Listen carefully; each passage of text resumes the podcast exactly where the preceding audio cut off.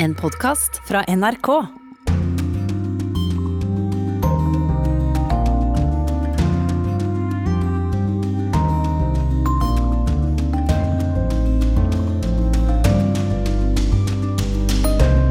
Velkommen til denne utgaven av Urix på lørdag. Vi har mye å by på. Blant annet så har vår kvinne i London møtt en spesiell person.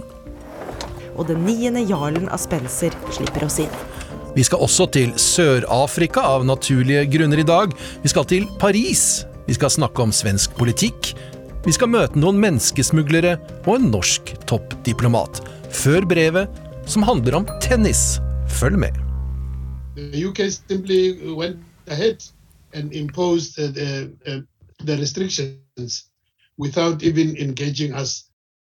Vi hørte den sørafrikanske helseministeren Joe Pala snakke. Han forteller at Storbritannia bare stanset alle flygninger pga. virusvarianten omikron, uten å snakke med sørafrikanske myndigheter i forkant. Storbritannia var først, men nå har store deler av verden fulgt etter, til tross for budskapet fra Verdens helseorganisasjon. implementing travel measures is being cautioned taking a risk based and a scientific approach. Talsperson i Verdens helseorganisasjon, Christian Lindmeier, advarer mot reiserestriksjoner. Han og organisasjonen hans anbefaler at landene skal ha en vitenskapelig tilnærming til situasjonen. De anbefaler testing og overvåking, ikke stengte dører. Smitteutbruddet i Sør-Afrika rammer nå landets økonomi, og mange reisende. En av dem er utenriksredaktør Sigurd Falkenberg Mikkelsen, som jeg snakket med for noen timer siden. Sigurd Falkenberg Mikkelsen, hvordan havnet du i denne situasjonen her? Nei, Vi skulle ha en uh, arbeidsseanse uh, med vår Afrika-korrespondent uh, i Cape Town. og reiste til Sør-Afrika på onsdag. ante i og for seg fred og ingen fare. Det var til og med sånn at jeg følte det tryggere å reise til Sør-Afrika med en lav smitterate enn det var i, i Norge og Oslo på den tiden. Og så kom vi til Landet vi på torsdagen, litt sent på torsdagen, og fikk de første meldingene om at en ny mutant var oppdaget. Og så gikk det en time før britene stengte ned. Da. Og da skjønte vi at vi måtte prøve å, å begynne å tenke på en hjemreise ganske raskt. Og det greide du, men bare så vidt. Ja, vi fikk uh, plasser på et av de siste flyene. Vi bestilte da samme kveld som britene stengte ned, for å være på den sikre siden. Uh, og kom vel på et av de siste flyene ut av uh, Sør-Afrika via Istanbul, før de også skal, skal vel også stenge ned flyvningene sine fra, fra, fra Sør-Afrika. Hva skjer med deg nå når du kommer til Norge? Nei, Det venter karantene. Så får vi se hvordan, hvordan den forløper. Første, første omgang en hotellkarantene. Og så blir det også interessant å se hvordan man tas imot på Gardermoen. Det har jo gått ekstremt hurtig, dette her. Fra en, altså over hele Europa. Så, så, hvordan de har tenkt å løse dette praktisk på flyplassene rundt omkring, blir jo spennende å se. Her i Istanbul eksempel, har jo vi blitt sluppet gjennom transit på helt vanlig måte. Det var sørafrikanske statsborgere på dette flyet. Hva, hva syns de om dette her, da? De var jo ganske fortvila og lurte jo veldig på hva som kom til å skje når de landet i Europa. Og de gikk ganske fort i, da vi gikk ut av flyet, men så vidt jeg forsto, så ble i hvert fall de sørafrikanske statsborgerne tatt til side. Det samme ble de som skulle til Storbritannia. Men jeg vet ikke hva som skjedde med dem videre. Men hva syns de om hele situasjonen? Det at resten av verden nå mer eller mindre lukker døren for Sør-Afrika? Jeg tror det kom så brått på at uh, veldig mange uh, skjønte egentlig ikke helt hva som skjedde. I hvert fall den fredagen uh, vi var i Cape Town. Det ble jo ikke mange timene på oss der før vi, før vi snudde. men det kom som sagt veldig veldig brått på. Og så er det klart at dette rammer da i første omgang særlig reisenæringen veldig hardt. som hadde akkurat begynt å komme seg litt. Med safarier, vinbesøk, alt dette som Sør-Afrika jo har betydelig, en betydelig inntekt fra. Som de, de, kommer til å rammes. Og det er klart at for myndighetene så er dette også, også bittert. Og mange føler nok at de gjør en innsats og rapporterer pliktskyldig, og har også et veldig godt laboratorium for å, å finne ut hva slags type virus som herjer. Og at når de da varsler inn dette, så får de, får de dette i retur. Det føles nok urettferdig for mange der. Du får ha takk for den rapporten, Sigurd Falkenberg Mikkelsen. Og så er vel du nesten på Gardermoen når dette her går på lufta. Lykke til. Tusen takk. Ja, og nå er vi på en direktesending igjen, og jeg ser på Flightradar 24 at han er tilbake på norsk jord nå. Vi fortsetter med korona, for det er mye bråk nå i de to franske oversjøiske fylkene Guadeloupe og Martinique. Befolkningene protesterer mot bl.a. vaksinekrav. Den franske presidenten innrømmer at situasjonen er eksplosiv. Vår mann i Paris, Johan Tolgert, rapporterer. Inquiète, euh, oui, oui, oui. La colère est là et surtout nous, les Guadeloupéens, on ne se laisse pas vraiment euh, marcher sous les pieds. Visst är jag orolig för protesterna på Guadeloupe och Martinique. Men samtidig kan jeg forstå at folk ikke aksepterer at man tramper dem på tårna, sier 55-årige Lili. Hun eier den lilla populære restauranten Guada Café i østre Paris med mat fra Antillene. En gros, c'est vrai, puisque les prix sont pas pareils, euh, les salaires sont pas pareils. euh, Det är Paris som tvingar på lokalbefolkningen vaccinet, säger Lili. Invånarna på öarna har lägre löner än i Frankrike medan priserna på varor är högre. I Frankrike ligger arbetslösheten på 8 procent medan den på franska Antillerna ligger på hela 25 procent, säger hon. Il y a 25% de chômage aussi, voilà, tout à fait. All personal inom sjukvård och brandkår är tvingade till obligatorisk vaccination mot covid-19. Annars förlorar de jobbet och blir utan lön. Man gir folk et slag på baken, sier Lili, som mener at alt dette har vært avgjørende for protestene. Voilà, on vous donne euh, une fessée si vous... on vous donne une fessée si vous ne vous faites pas vacciner. euh. Oui, salut, ça va Nu, några minuter innan restaurangen ska öppna för kvällens gäster, tar Lili fram mobilen. Hon vill höra om läget och ringer först sin bror Filip som deltar i protesterna. Han arbetar som socialarbetare. Vi ger inte upp, förklarar Filip och berättar att han bevakar en vägbarrikad. Där brinner en eld och bilar släpps inte fram. Målet är att orsaka kaos och få bort vaccinationstvånget. 1400 läkare och sjuksköterskor har blivit avstängda från sina poster på öarna da de inte vill tvingas ta vaccinet. De får därmed ingen lön. Jag är en av dem, säger Filip. Han oroar sig nu för att det ska fattas pengar inför jul. Protesterna har hållit på i en vecka nu. Folk är riktigt ilskna, säger han.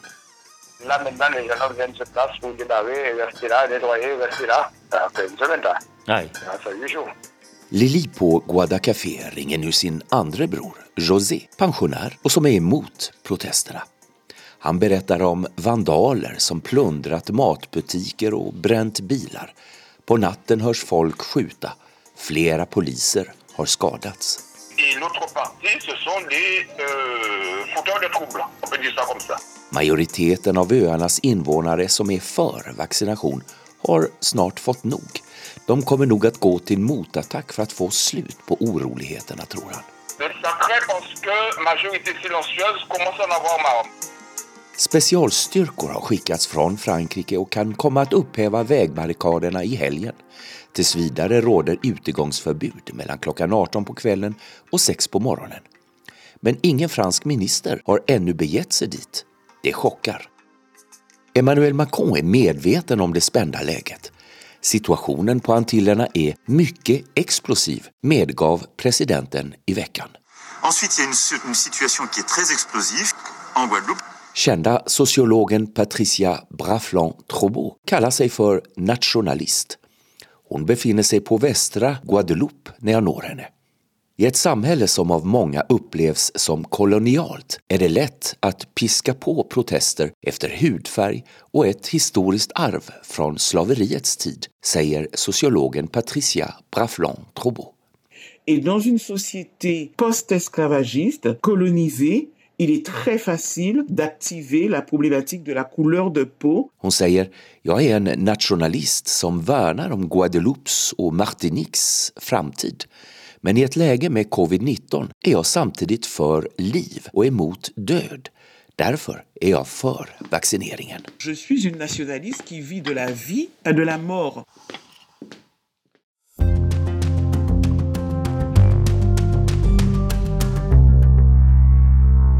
Vi bytter tema her i Urix på lørdag.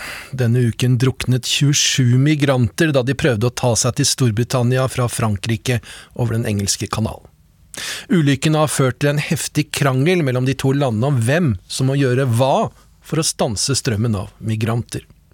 Samtidig er menneskesmugling en god forretning. En menneskesmugler i Irak sier han tjener 100 000 dollar i året på å frakte folk ulovlig til Europa. Han sier at markedet for menneskesmugling bare vokser og vokser. Med et skjerf rundt hodet og svarte solbriller er det umulig å se ansiktet til mannen som snakker i mobiltelefon. Han vil heller ikke si hva han heter. Jobben hans går ut på å smugle folk fra Irak til Europa noe han tjener store penger på. Den britiske TV-kanalen Sky har møtt menneskesmugleren i den irakiske byen Irbil. Han forteller at han tjener 100 000 dollar i året, rundt 900 000 norske kroner. Denne businessen stopper ikke opp. De som ønsker å reise blir stadig flere og flere, sier mannen som er en del av et større smuglernettverk. Han forteller om ruter som starter i Irak eller Tyrkia, og går nordover mot Hviterussland eller vestover over havet til Hellas og Italia. Men mens smuglernettverkene tjener store penger, risikerer mange migranter livet.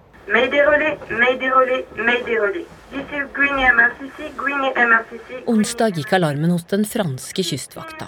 En gummibåt med migranter hadde kantra i den engelske kanalen. Da redningsmannskaper nådde fram, fløt livløse kropper i sjøen. 27 personer har drukna.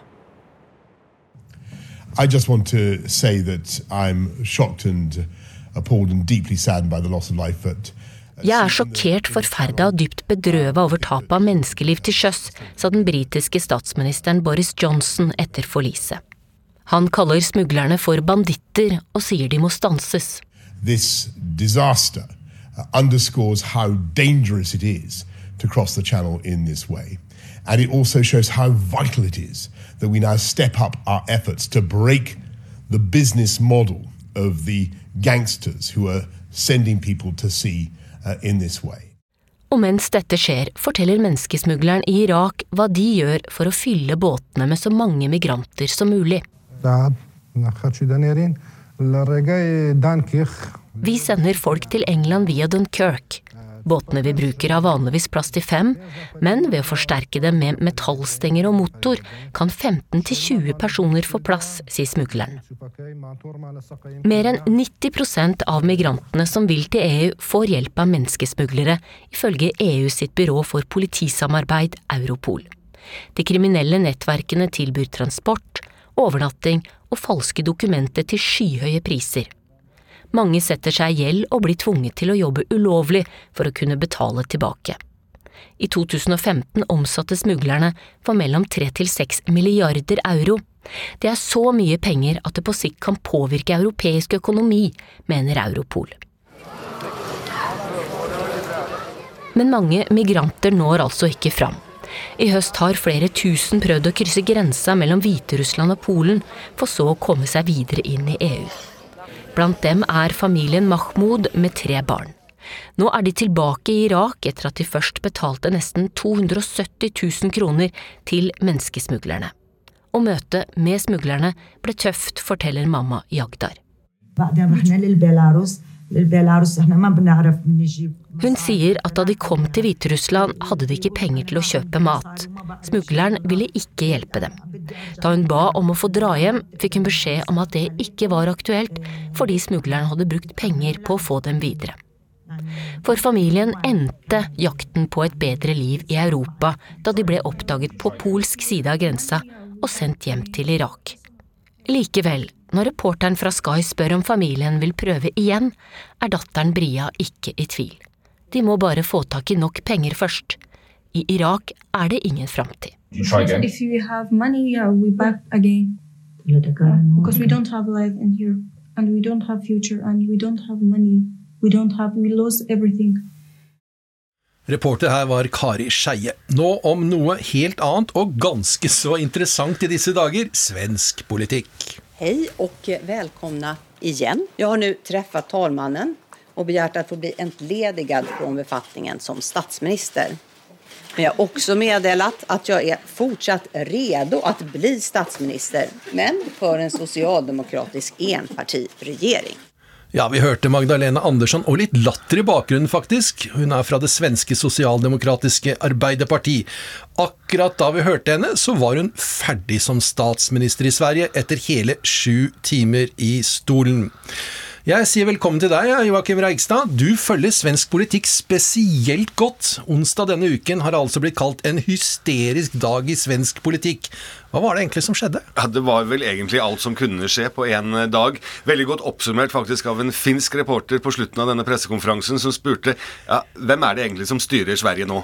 Eh, og det var jo slik det var. Fordi eh, Magdalena Andersson var forventet å bli valgt til statsminister, og det ble hun også, med støtte fra regjeringens tidligere støttepartier, Senterpartiet og Liberalistene. Men tidligere på dagen så hadde da regjeringspartiene, Miljøpartiet og Sosialdemokratene sammen med Venstrepartiet inngått et budsjett budsjettsamarbeid og holdt Senterpartiet utenfor. Det likte ikke Senterpartiet og Annie Løf, som er leder der, og hun sa derfor at vi kommer ikke til å stemme på det budsjettet deres. Ergo Magdalena Andersson ble valgt som statsminister. Så skulle budsjettet stemmes gjennom. Da stemte Senterpartiet imot, og dermed hadde ikke regjeringen flertall for sitt budsjett. De skulle da i teorien ha styrt på et borgerlig budsjett. og da valgte eh, Miljøpartiet å tre ut av regjeringen. Da hadde ikke Magdalena Andersson noen regjering lenger, og måtte altså gå av. Men altså, det høres nesten komisk ut. Altså, hvordan kan et slikt kaos oppstå? Virker som de ikke snakker med hverandre på forhånd eller noen ting. Svensk politikk har jo vært ganske mye kaos de siste årene, og det har vært mistillitsforslag den ene og den andre veien. Men her er det jo mye som ligger i eller Mye av bakgrunnen her er jo at Senterpartiet er egentlig i svensk politikk et borgerlig parti. For bare noen år siden så var de i regjering med altså i alliansen som det het, da, som støttet Fredrik Reinfeldt, Moderaternes statsminister, som var det fram til 2014. Men så valgte de da for fire, uh, unnskyld, i 2018 å, å, gå over på den andre siden og være støtteparti for Stefan Löfven. Det er selvfølgelig en vanskelig balansegang, og der ligger mye av utfordringen for Senterpartiet. De de balanserer på en, eh, på en knivsegg i Sverige, rett og slett. Ja, jeg, jeg har falt av allerede, jeg. altså, men uh, ok, men Sverigedemokraterna, de forstår jeg, de, de er litt de har en rolle å spille her. De har en rolle å spille her, fordi at hvis det hadde vært slik at den gamle alliansen i Sverige ville hatt Sverigedemokraterna med inn i sin eh, regjering, eller i hvert fall brukt dem som støtteparti, så ville det vært et ganske tydelig borgerlig flertall i Sverige. En ganske styringsdyktig, kan man si, regjering. Men det har veldig mange partier egentlig vært helt enige om, at Sverigedemokraterna de vil vi ikke engang ta i med ildtang.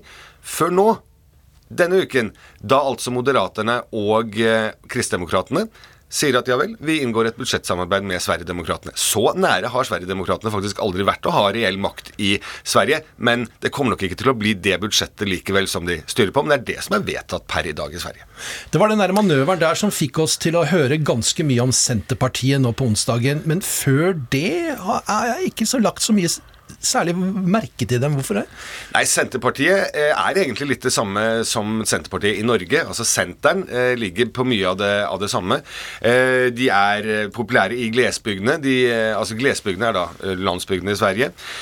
Og har nok balansert litt mellom høyre- og venstresiden i, i mange år. Men hvor Senterpartiet i Norge tok dette steget over og sa at nå er vi mer et sentrum-venstreparti, det tok de kanskje på midten av 90-tallet. Så tok det mye lengre tid tid i Sverige. og Derfor er det den uroen har, har ja, skal vi si, blitt skapt i Sverige, fordi at man ikke helt vet hvor man har Annie Løf og Senterpartiet lenger.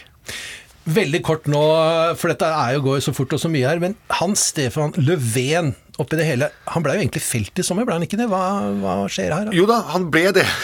dette, er jo, dette er jo litt av det som jeg sa innledningsvis her. Det har vært mye kaos i svensk politikk den siste tiden. Stefan Löfven ble felt på et mistillitsforslag som gikk på om han kunne ta markedspris for en, en del leiligheter til spesielt utsatte grupper. Eh, der ble han felt når han sa at han eh, kunne gå med på det. men så fikk da Ulf Kristersson, som er Moderaternes leder, i oppdrag å danne ny regjering. Klarte det ikke. Dermed gikk oppdraget tilbake til Stefan Löfven, ja. som, da sitter, som, da kunne fortsette å styre. Helt til han da til slutt sa at nå går jeg av og overlater, overlater taburetten til min etterfølger Magdalena Andersson. Og hun blir nok valgt, Halvard. Det blir hun nok. Men da for en, eh, parti, eh, en enpartiregjering med Sosialdemokratene det blir, ja, det blir bra hun blir valgt, da, for jeg har lært meg navnet hennes nå. Tusen takk til deg, Joakim Reigstad. Og de som ikke forsto noen ting, kan sende brev til NRK og klage, men vi har fått litt informasjon. Og lykke til videre.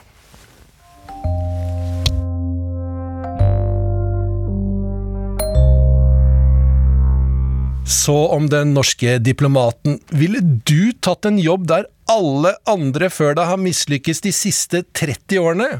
Ja, nå har den norske diplomaten Tor Vennesland oppgaven som FNs spesialutsending for å få fredsprosessen mellom Israel og palestinerne på sporet igjen.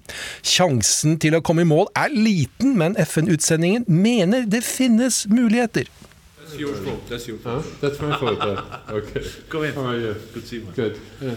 FN-utsending Tor Vennesland tar imot Filip Lazzarini, som er sjef for UNRWA, hjelpeorganisasjonen for palestinske flyktninger. Begge to har oppgaver det ikke synes å være noen løsning på. Nordmannen er FNs spesialkoordinator for fredsprosessen i Midtøsten. Men siden det ikke er noen fredssamtaler i sikte, hva går jobben egentlig ut på nå? Ja, det er jo å prøve å komme fra en situasjon som er kaotisk på bakken, til å komme til en situasjon hvor vi kan begynne å ta fatt i de spørsmålene vi skulle tatt fatt i for 15 år siden. Nemlig hvordan du får et rammeverk som kan lede til en selvstendig palestinsk stat. Det er arbeidsprogrammet mitt, og så er vi et stykke unna der. Sier Tor Vennesland til NRK. Israels okkupasjon fortsetter i sitt 55. år. Fortsetter gjør også utbyggingen av ulovlige israelske bosetterkolonier, uten at verden reagerer med annet enn skuldertrekk eller bekymring. Det palestinske lederskapet på sin side er splittet mellom Hamas i Gaza og PA, det palestinske selvstyret på Vestbredden. I vår var Vennesland en av flere som forsøkte å få slutt på nok en krig mellom Hamas i Gaza og Israel. Så jobben er vel kanskje mest å være kaospilot og håndtere konflikten? Ja, min jobb er ikke å manage the konflikt. Eh, det er liker, men det er å sørge for at vi ikke ikke kommer i en situasjon hvor uh, en latent konflikt blir en reell konflikt og ender opp i uh, væpna konfrontasjoner, sånn som vi hadde uh, i mai.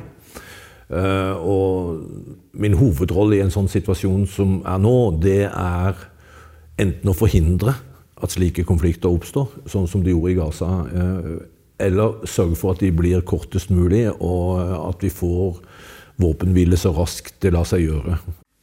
Vennesland var i Qatar med Hamas da Gaza-krigen raste i mai. Da må du forstå hvor du skal være, og tidspunktet for når du skal være der. Og hvem du skal jobbe sammen med for å få dette gjort. Og det var det som gjorde at vi lykkes med det. Men det var ikke bare meg. Vi sitter på FN-utsendingens lyse kontor i Jabal Mokabber i Øst-Jerusalem. Det lyseblå FN-flagget står i hjørnet. Government House, som hovedkvarteret heter, ligger på en av Jerusalems vakre høyder. Herfra ser Vennesland til stridens kjerne, gamlebyen med de hellige stedene. Men han ser også den åtte meter høye israelske betongmuren som skiller palestinere og israelere. Så hva er egentlig lyspunktene her nå? Eh, det som er min jobb, det er egentlig ikke å se etter lyspunkter, men det er å se etter eh, åpninger og muligheter for å snu en negativ trend. Så det er jobben min.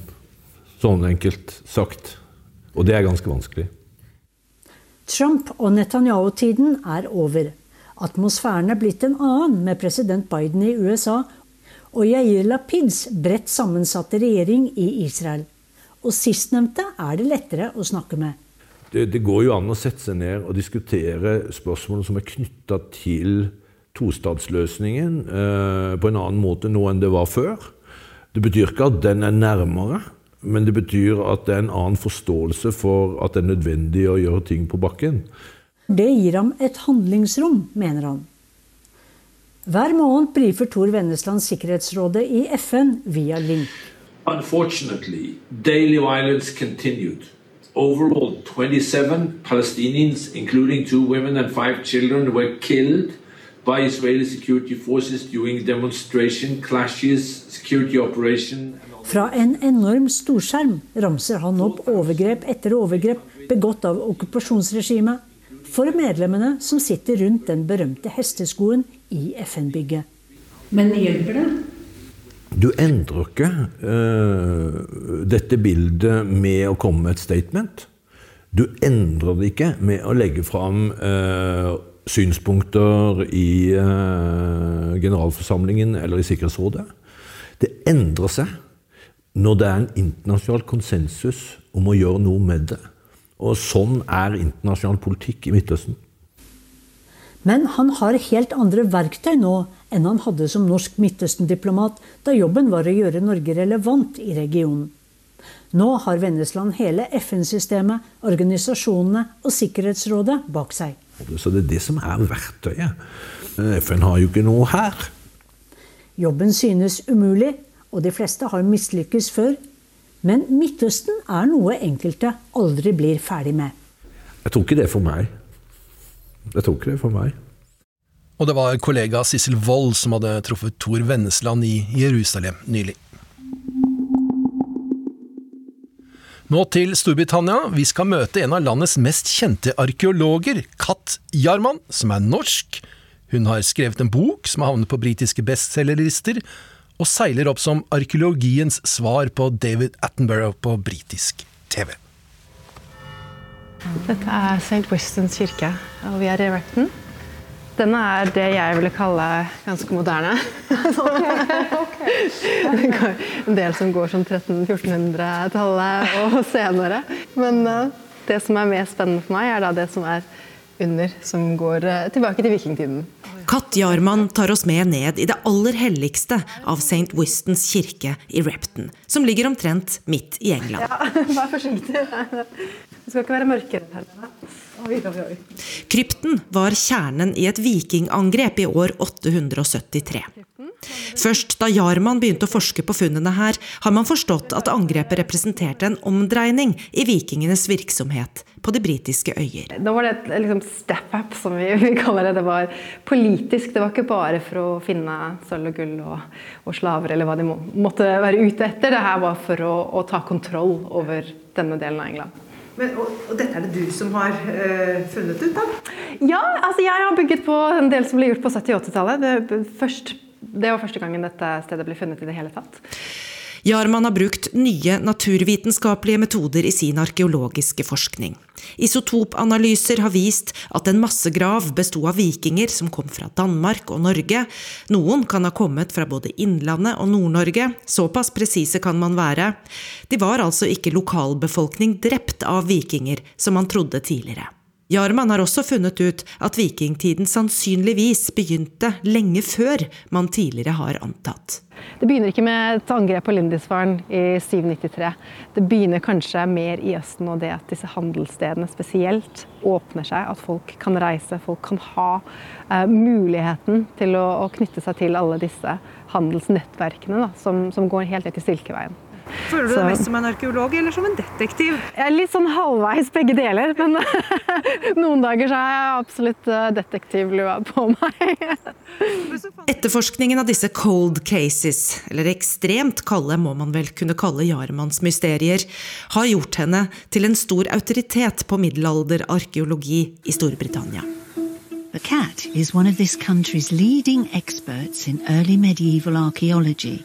Hun er blitt en TV-personlighet i dokumentarer, og er programleder i en kjent arkeologiserie på BBC på nyåret.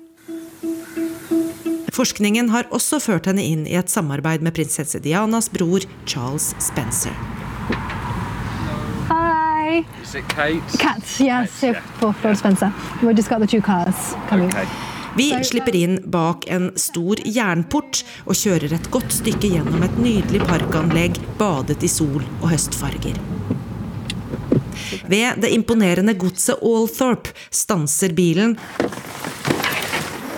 og den niende jarlen av Spencer slipper oss inn. So my ancestor was uh, farming sheep there 500 years ago. Han har hyret den norske arkeologen for å finne en landsby fra vikingtiden og en romersk villa på eiendommen sin i Northamptonshire. Nå planlegges den neste utgravingen fra godsets kontor.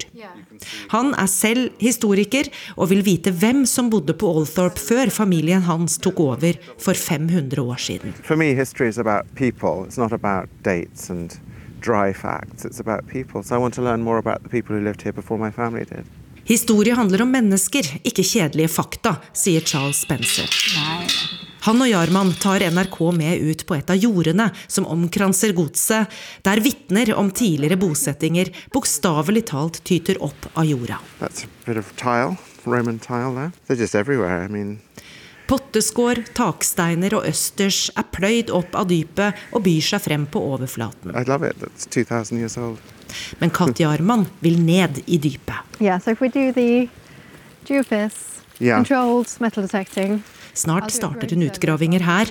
Også dette samarbeidet havner på TV. Og Dianas bror tror den norske arkeologen har en stor fremtid foran seg som britisk TV-stjerne.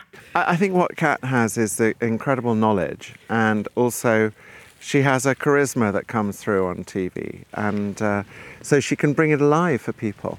So is she like a David Attenborough of archaeology? She- I think she is the David Attenborough of archaeology. If she, you know, by the time she's 95, she will be the David Attenborough of archaeology. Det var eh, korrespondent Gry Blekastad Almås som rapporterte.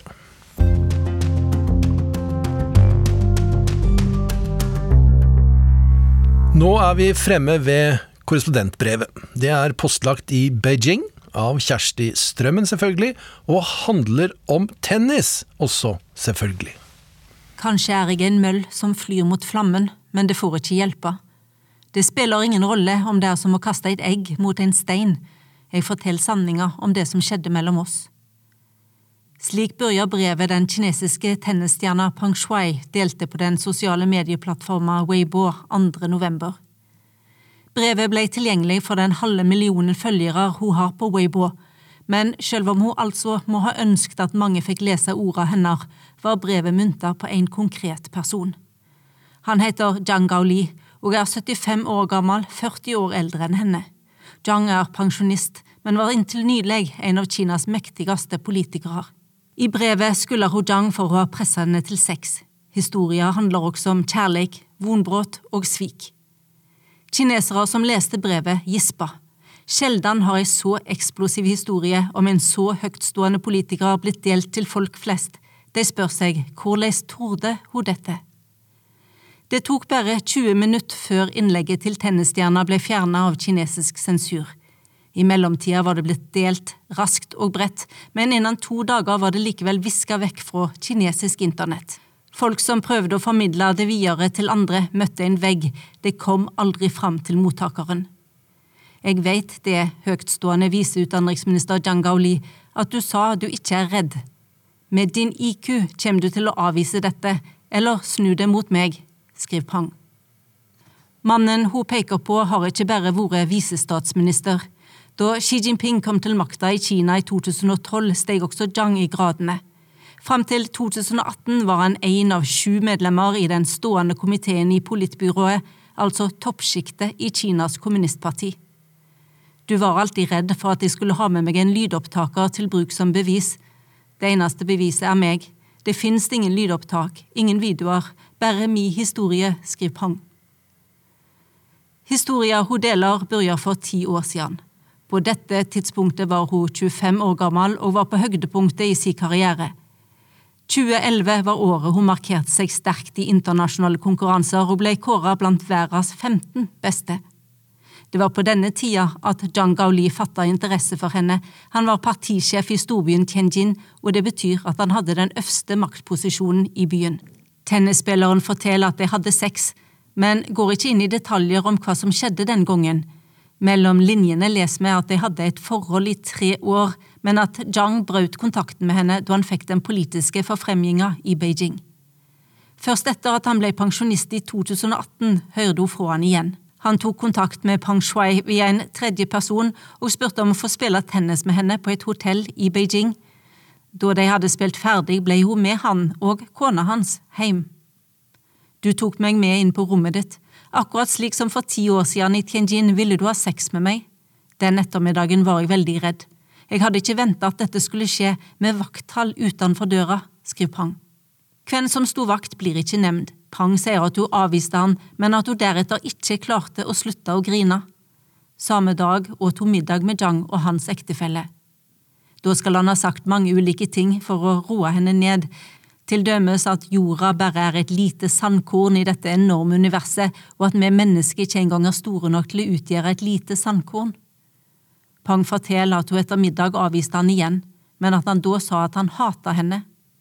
Han skal også ha sagt at han på alle disse åra ikke hadde glemt henne, og at han ville behandle henne fint. Jeg var redd, jeg hadde panikk, men jeg hadde også i meg alle kjenslene jeg hadde for deg i de sju åra som var gått, så jeg sa ja, vi hadde sex, skriver Prang. Tennisspilleren forteller at kjensler er kompliserte, og at det er vanskelig å sette ord på dem. Det som etter hvert skjer, er at hun blir glad i han. Hun ser han som en god person som behandler henne godt. De har samtaler om alt mulig som ny og gammel historie, filosofi og andre uendelige tema. De snakker sammen i timevis, spiller sjakk, synger sanger, spiller bordtennis, biljard og selvsagt tennis. Hun ser han som en sjelevenn. Du sa du elska meg, at du elska meg høyt, skriver han. Medan de to er blitt elsker, er Zhang fremdeles gift og har to voksne barn. Ifølge Pang forteller han henne at han er ensom, at han kunne ha skilt seg om de hadde møttes tidligere, men at han nå er blitt for profilert til det. Tennisspilleren skriver at hun drog fra heimen sin allerede som barn og har følt en ekstrem mangel på kjærleik. I begynnelsen tenkte hun at hun kunne ha et hemmelig forhold til Zhang, men at ting endra seg underveis. Kona til Zhang skal ha visst om forholdet, og Pang stiller seg undrende til at ei ektefelle kunne godkjenne det. Samtidig tyder brevet på at kona ikke var spesielt komfortabel med at mannen hadde Pang som elskerinne. Tennisspilleren skriver om sårende, sarkastiske og hånende kommentarer når Zhang Gaoli ikke var til stede. Når jeg sa at jeg liker å ete andetunge, sa kona di at det er ekkelt. Om vinteren, når det er mye forurensning i Beijing, sa jeg at lufta er dårlig. Da sa kona di at hun ikke merka noe til det, så da måtte det være mitt nabolag. Pang sammenligner politikerens ikone med keiserinna i TV-serien Keiserinnen i palasset, også kalt Legenden om Jun Huan. Tennisspilleren forteller at Zhang ba henne holde forholdet hemmelig. Heller ikke mora hennes, som ofte kjørte henne til møteplassen der hun skifta bil, visste hvorfor hun stadig dro hjem til han. Mora trodde at hun skulle dit for å spille mahjong eller kortspill. Situasjonen min var utålelig. Noen ganger lurte jeg på om jeg fremdeles var et menneske. Jeg følte meg som en zombie som hver dag prøvde å være en annen. Hvem var jeg egentlig? Pang skriver at hun ikke skulle ha vært i denne verden, men at hun heller ikke har hatt mot til å dø. At hun ville ha hatt et enklere liv, men at slik ble det ikke. Hun kjenner seg som en hykler og som en dårlig kvinne. Brevet hennes tyder på at hun kom til et vendepunkt. Om kvelden 30. oktober krangla de. Dang skal ha sagt at de skulle dra hjem til han og snakke rolig sammen 2. november, men så ringte han og sa at de måtte vente, han skulle ta kontakt igjen neste dag. Du blei borte, akkurat slik som for sju år siden. Du leika med meg, og når du ikke ville ha meg lenger, kasta du meg til side, skriver han. Etter innlegget forsvant Pang i nesten tre uker, til uro og stor protest i utlandet. Krav om boikott av OL i Beijing fikk ny kraft. Sist helg dukka Pang Shui plutselig opp igjen som om ingenting har hendt i det som likner et offensivt propagandautspill overfor utenverden. Også IOC la ut et bilde av at tennisstjerna smilende hadde en samtale med IOC-presidenten Thomas Bach. Han blir nå kritisert for å spille på lag med kinesisk propaganda. Zhang Gaoli har vært sentral i planlegging av lekene og har flere ganger møtt Barr. Hvordan Prang egentlig har det og hvordan hennes framtid ser ut, er det få som vet. Zhang har ikke kommentert Prangs innlegg. Hun avslutter brevet til han med ord som trolig vil svi. Du sa alltid at du ønsket at mor di i himmelen så til deg. Når du møter henne etter alt du har gjort i dette livet, vil du da ha fred i din sjel? Brevet var fra Kjersti Strømmen. Jeg tar med en nyhet her som kom under brevet. Virusvarianten omikron er oppdaget både i Tyskland og i Tsjekkia, som kommer nærmere. Nå krig og fred. 30 maskerte menn stormer kontoret til den russiske menneskerettighetsorganisasjonen Memorial. Nasjonalistene roper at Memorial bringer skam over Russland. Det ender med at pøblene får gå, mens lokalene blir stengt av politiet. Og en måned seinere blir menneskerettighetsorganisasjonen stilt for retten. Det er virkelig et stort skritt i autoritær retning fra det russiske regimet. Memorial har i 30 år vist fram forbrytelser begått i sovjettida. Hva er det russiske myndigheter oppnår ved å forby landets største menneskerettighetsorganisasjon?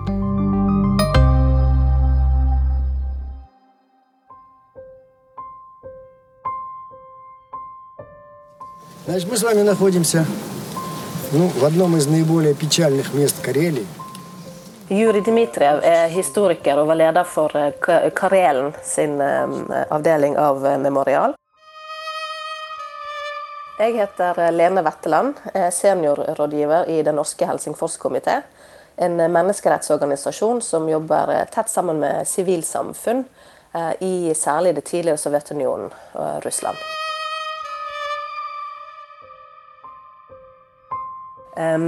Han er en av de som veldig konkret beskriver hva Memorial jobber med.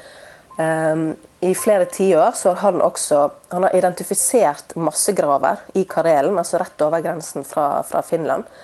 Der det har ligget mellom 9000 og 10 000 mennesker i massegraver. Mennesker som ble skutt i 1937 og 1938, under den verste Stalin-tiden. Han har bokstavelig talt gravd frem disse massegravene. Det snakker om altså, hodeskaller, bein, sko, sko metallbiter og annet som kan identifisere disse menneskene.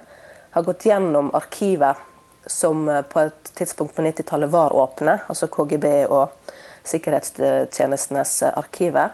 Sammenfattet dokumentasjon også med brev og annet, andre personlig informasjon som har blitt utvekslet. Og identifisert disse ofrene og gitt etterkommerne en, en grav å gå til.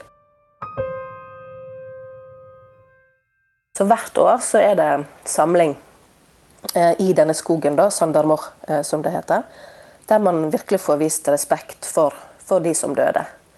Samtidig som man parallelt prøver å få rettferdighet for, for det som har skjedd med de, og at de som sto bak, også skal eh, bli kjent for det de har gjort. Eh, og Dette høres ut som humanitært og veldig bra arbeid, som også myndighetene ville sette pris på at noen faktisk brukte så mye tid på, på å gjøre.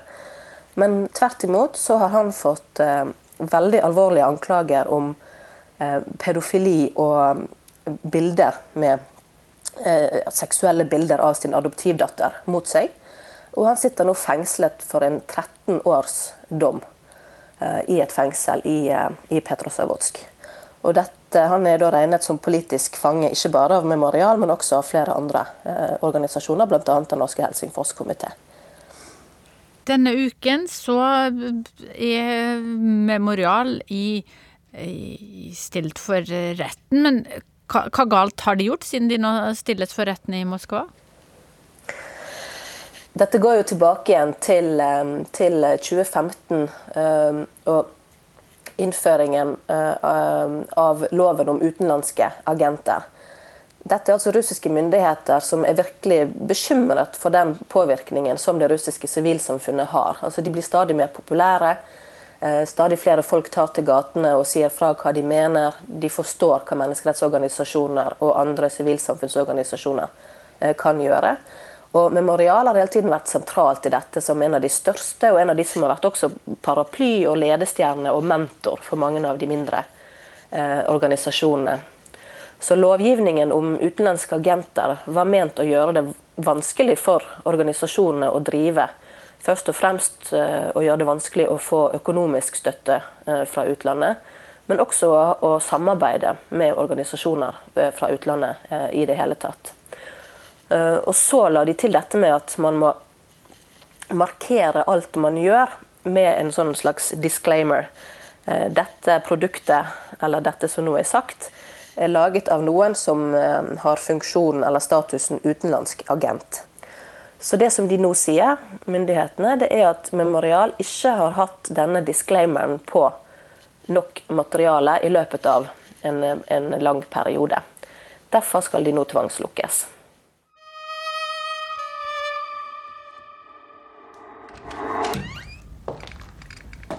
Вам пора домой. У вас же есть дом? Здесь мой дом. Filmen 'Den sorte jord' handler om Stalins forsøk på å skjule sannheten om hungerskatastrofen i Ukraina. I årene 1932-33 døde flere millioner ukrainere av sult som resultat av Stalins landbrukspolitikk. Hungersnøden ble benekta av sovjetiske myndigheter, noe som bl.a. gjorde at det ikke ble ført statistikk over antall døde. Filmen beskriver kampen om sannheten, og ble nylig vist på kontoret til Memorial i Moskva.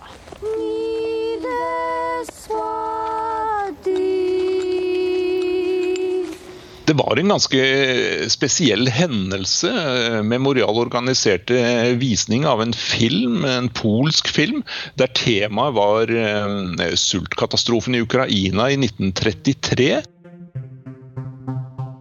Jeg er eh, Jan Espen Kruse, jeg er eh, NRKs korrespondent i Moskva, og det har jeg vært i om lag tre og et halvt år.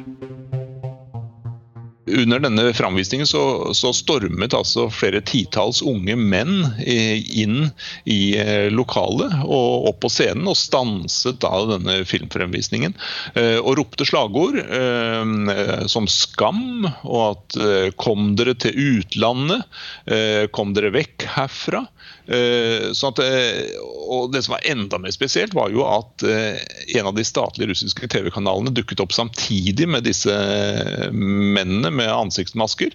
Ledelsen i Memorial tolker det som en veldig klar advarsel om at nå kom organisasjonen til å oppleve mer motstand, og det har jo skjedd.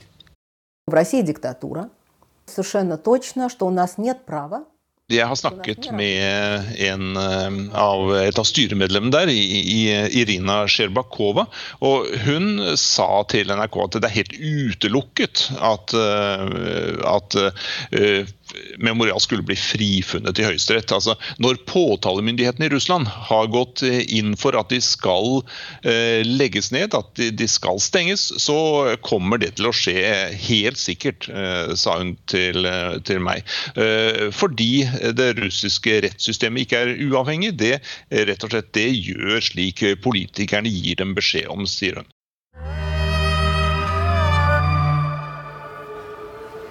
Jeg var innom en bokhandel her om dagen for å finne noen julegaver. Der jeg syns det er stas å gi bort russiske kalendere sånn ved jul og nyttår. da. Og, og, jeg ble overrasket, for jeg fant altså for det første vanlige kalendere med, med, Putin, president Putin, portretter av han. Det så jeg i fjor også. Men i år så jeg noe nytt i bokhandelen. Det var nemlig en svær kalender med eh, Sovjetunionens diktator Josef Stalin. Eh, og eh, der man, kan man altså for hver måned få et nytt portrett eller bilde av, av Stalin. Denne, denne, diktatoren som jo sto bak den voldsomme undertrykkelsen som bygde opp Gulag-systemet med fangeleirer osv. Som var ansvarlig for at millioner av mennesker i Sovjetunionen mistet livet. mens myndighetene jaktet på forrædere, som det offisielt het. Eh, og det at eh, Stalin på sett og vis rehabiliteres, det er, går jo rett inn i det Memorial kjemper mot. De vil at uh, nye generasjoner skal få kjennskap til den tragiske fortiden i Sovjetunionen, i Russland, for at noe lignende ikke skal skje. Lene Wetland, hvorfor har dagens russiske myndigheter problemer med å snakke om det som skjedde under Stalin og under sovjettida? Det kan, man, det kan man jo lure på. Eh, Tyskland hadde jo aldri vært der de er i dag hvis de hadde gjort det samme med tanke på andre verdenskrig eller annet som har skjedd. Men mye henger også sammen med det styret som, som Russland har i dag. Så Presidenten sjøl, president Putin, har bakgrunn fra FSB og KGB. Mange av de som sitter i sentrale stillinger rundt han, sitter der pga. han og deres eh, nettverk, som også er fra forskjellige sikkerhetsstrukturer. Og nettopp fordi man ikke har tatt et oppgjør med den fortiden og de overgrepene som har vært, så har man heller ikke straffet overgriperne eller reformert eh, de institusjonene som står bak.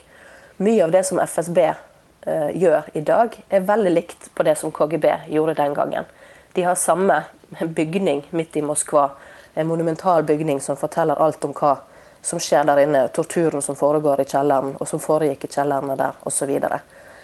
Så, mye henger sammen med at dagens regime føler seg truffet av det som skjedde den gangen, og liker ikke at det blir satt fokus på den type overgrep, fordi mye av det faktisk skjer også i dag.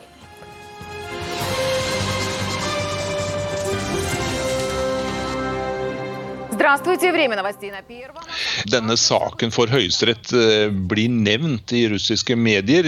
Den blir eh, ikke kommentert i stor grad. Det er bare noen få kommentarer jeg har sett på det. Eh, det blir sagt at det skal finne sted, men det er ikke en, en sak som blir fokusert veldig mye på. Det er ikke en sak som veldig mange russere er opptatt av. Det er de som er interessert i menneskerettigheter, de som er interessert i denne organisasjonens eh, fremtid. Eh, det er en liten prosentandel av russerne som er veldig interessert i, i dette. og Myndighetene har vel på sett og vis lykkes lykkes når det gjelder å mistenkeliggjøre veldig mye av det som er knyttet til utlandet. Eh, organisasjoner som får utenlandsk økonomisk støtte, eh, blir altså kalt utenlandske agenter. og Det, eh, det gjør at eh, mange russere er skeptiske eh, til, eh, til, disse organisasjonene. Det er de, det som kalles intelligensiaen i Russland som er veldig opptatt av dette. De med, med høyest utdannelse som er med på, som er aktive når det gjelder å forsvare menneskerettigheter, og som er interessert, ser den store betydningen av dette.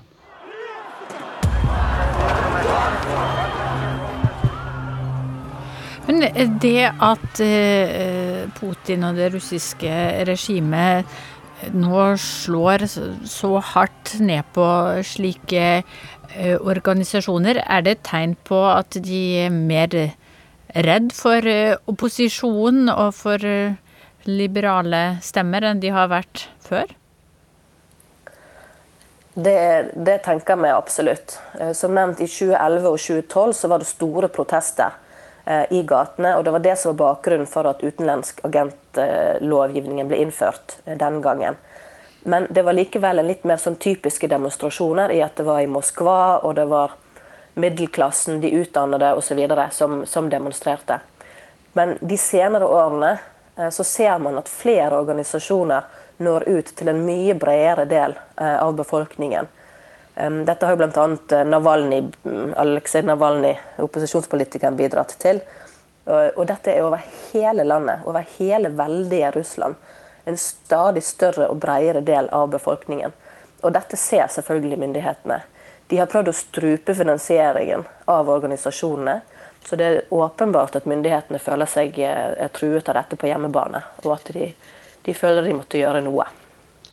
Det at eh, myndighetene vil stenge eh, Memorial, det er et svært viktig symbol, både innad i Russland, at de liberale kreftene som, som støtter støtte slike organisasjoner, de bør være mer forsiktige. Det er beskjeden innad. Og at eh, liberale organisasjoner av denne typen eh, sannsynligvis systematisk etter hvert kommer til å bli eh, oppløst og stengt.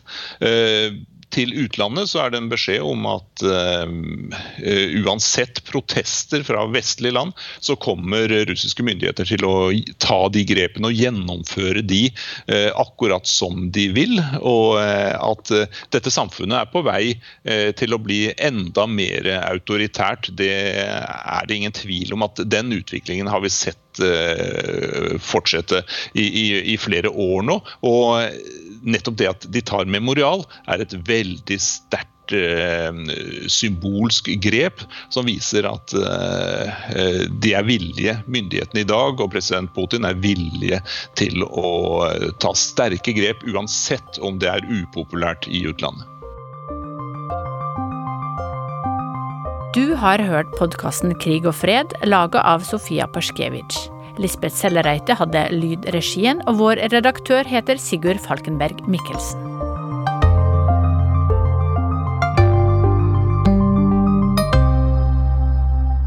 Urix på lørdag er over. Takk for følget. Teknisk ansvarlig Bobo Bjørnskjold, produsent Arild Svalbjørg. Og i studio satt jeg, Halvard Sandberg.